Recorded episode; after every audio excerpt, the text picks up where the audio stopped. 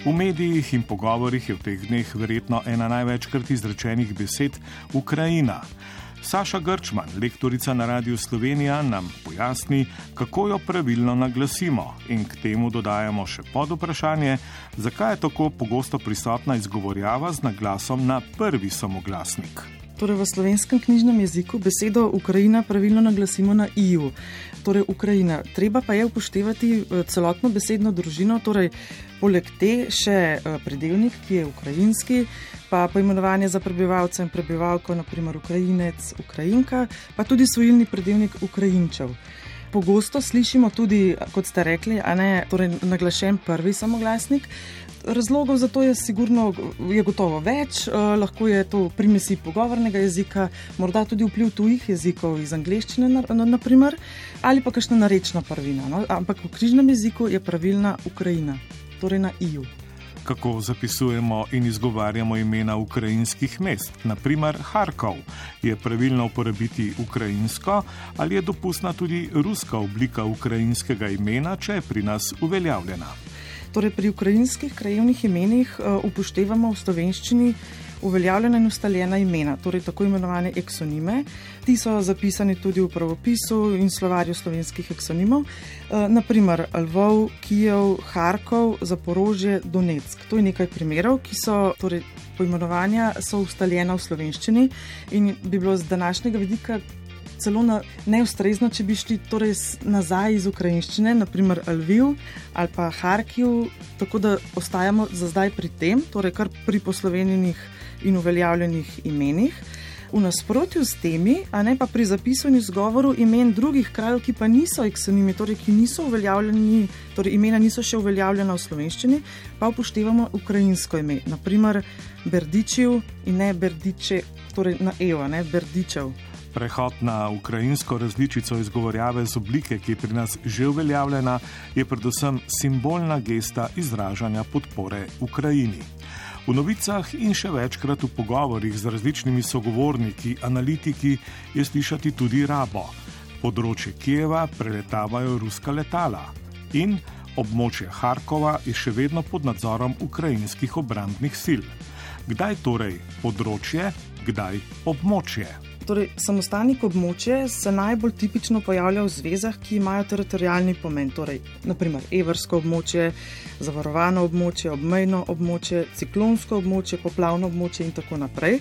V primerjavi s tem pa samostalnik področje uporabljamo v zvezah, ki označujejo neko dejavnost ali pojavnost, naprimer delovno področje, čustveno področje, gospodarsko področje kulturno področje, na vse zadnje, tako da bi bilo v tem vašem primeru absolutno pravilno je reči torej območje Harkova, ne področje. Razrešimo še eno dilemo. Treba bo ali potrebno bo vzpostaviti humanitarne koridorje. Zveza treba je. Navadno stoji ob nedoločniku, naprimer, treba se je učiti, treba je govoriti, treba je poslušati. Eh, v nasprotju s tem pa ob glagolniku lahko nastopa izključno oblika potrebno, naprimer učenje je potrebno, znanje je potrebno. Tako da v tem vašem primeru je pravilno reči, treba bo vzpostaviti humanitarne koridorje. Z lektorico na Radiu Slovenija Sašo Grčman o še enem primeru, ki je sicer dobro znan tudi iz mnogih drugih jezikovnih kontekstov. Ukolikor bo ukrajinska obramba zdržala še en dan in ali če bo ukrajinska obramba zdržala še en dan.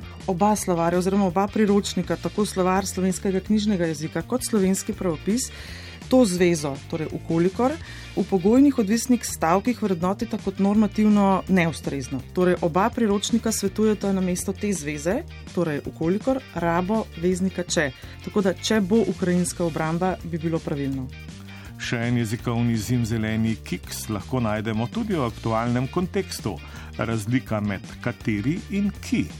Oba ta dva, torej ki in kateri, sta oziralna predelniška zaimka in se uporabljata v odvisnih stavkih. Zdaj, zaimek, ki uporabljamo v vseh sklonskih oblikah, kateri pa v zvezah s predlogi, naprimer časopisi, v katerih piše ljudje, s katerimi se pogovarjamo oblačila, v katerih se počutimo udobno, oziroma če zdaj za, za, za zaimek ki, knjige, ki jih berejo mladostniki, starši, ki molčijo, podnebne spremembe, ki vplivajo tudi na živali.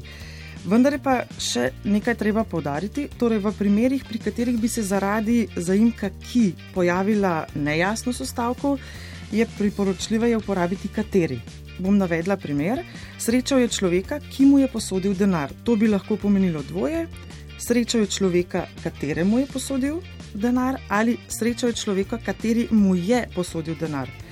V drugih primerih ne, je pa raba zaimka, kateri na mesto ki slogovno manj ustrezna. Naprimer, trener, kateri je dejal to in to, ali pa otrok, kateri je potreboval pomoč. V teh primerih je raba zaimka, kateri napačna oziroma manj ustrezna.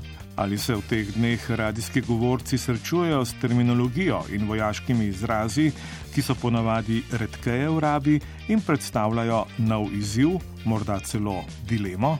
naprimer, zdaj, ko imamo vojno v Ukrajini, eh, absolutno se pojavi tudi to vrstno besedišče, ga je več. Če katerega izraza ne poznamo, seveda si pomagamo s tujimi jeziki in tako včasih lahko dobimo torej v slovenščino, v slovensko besedišče tudi besede, ki niso v vsakdanji rabi. Mogoče primer demilitarizacija, pa smo potem rekli, mogoče vseeno ustrezneje razoroževanje, morda nam v kakšnih kontekstih tudi več pomeni, morda pa ni nujno najbolj ustrezno. Tako da ja, se srečujejo radijski govorci s temi vojaškimi izrazi, absolutno zdaj več kot morda pred ne vem, pol leta ali enim letom, ko je bila glavna tema korona.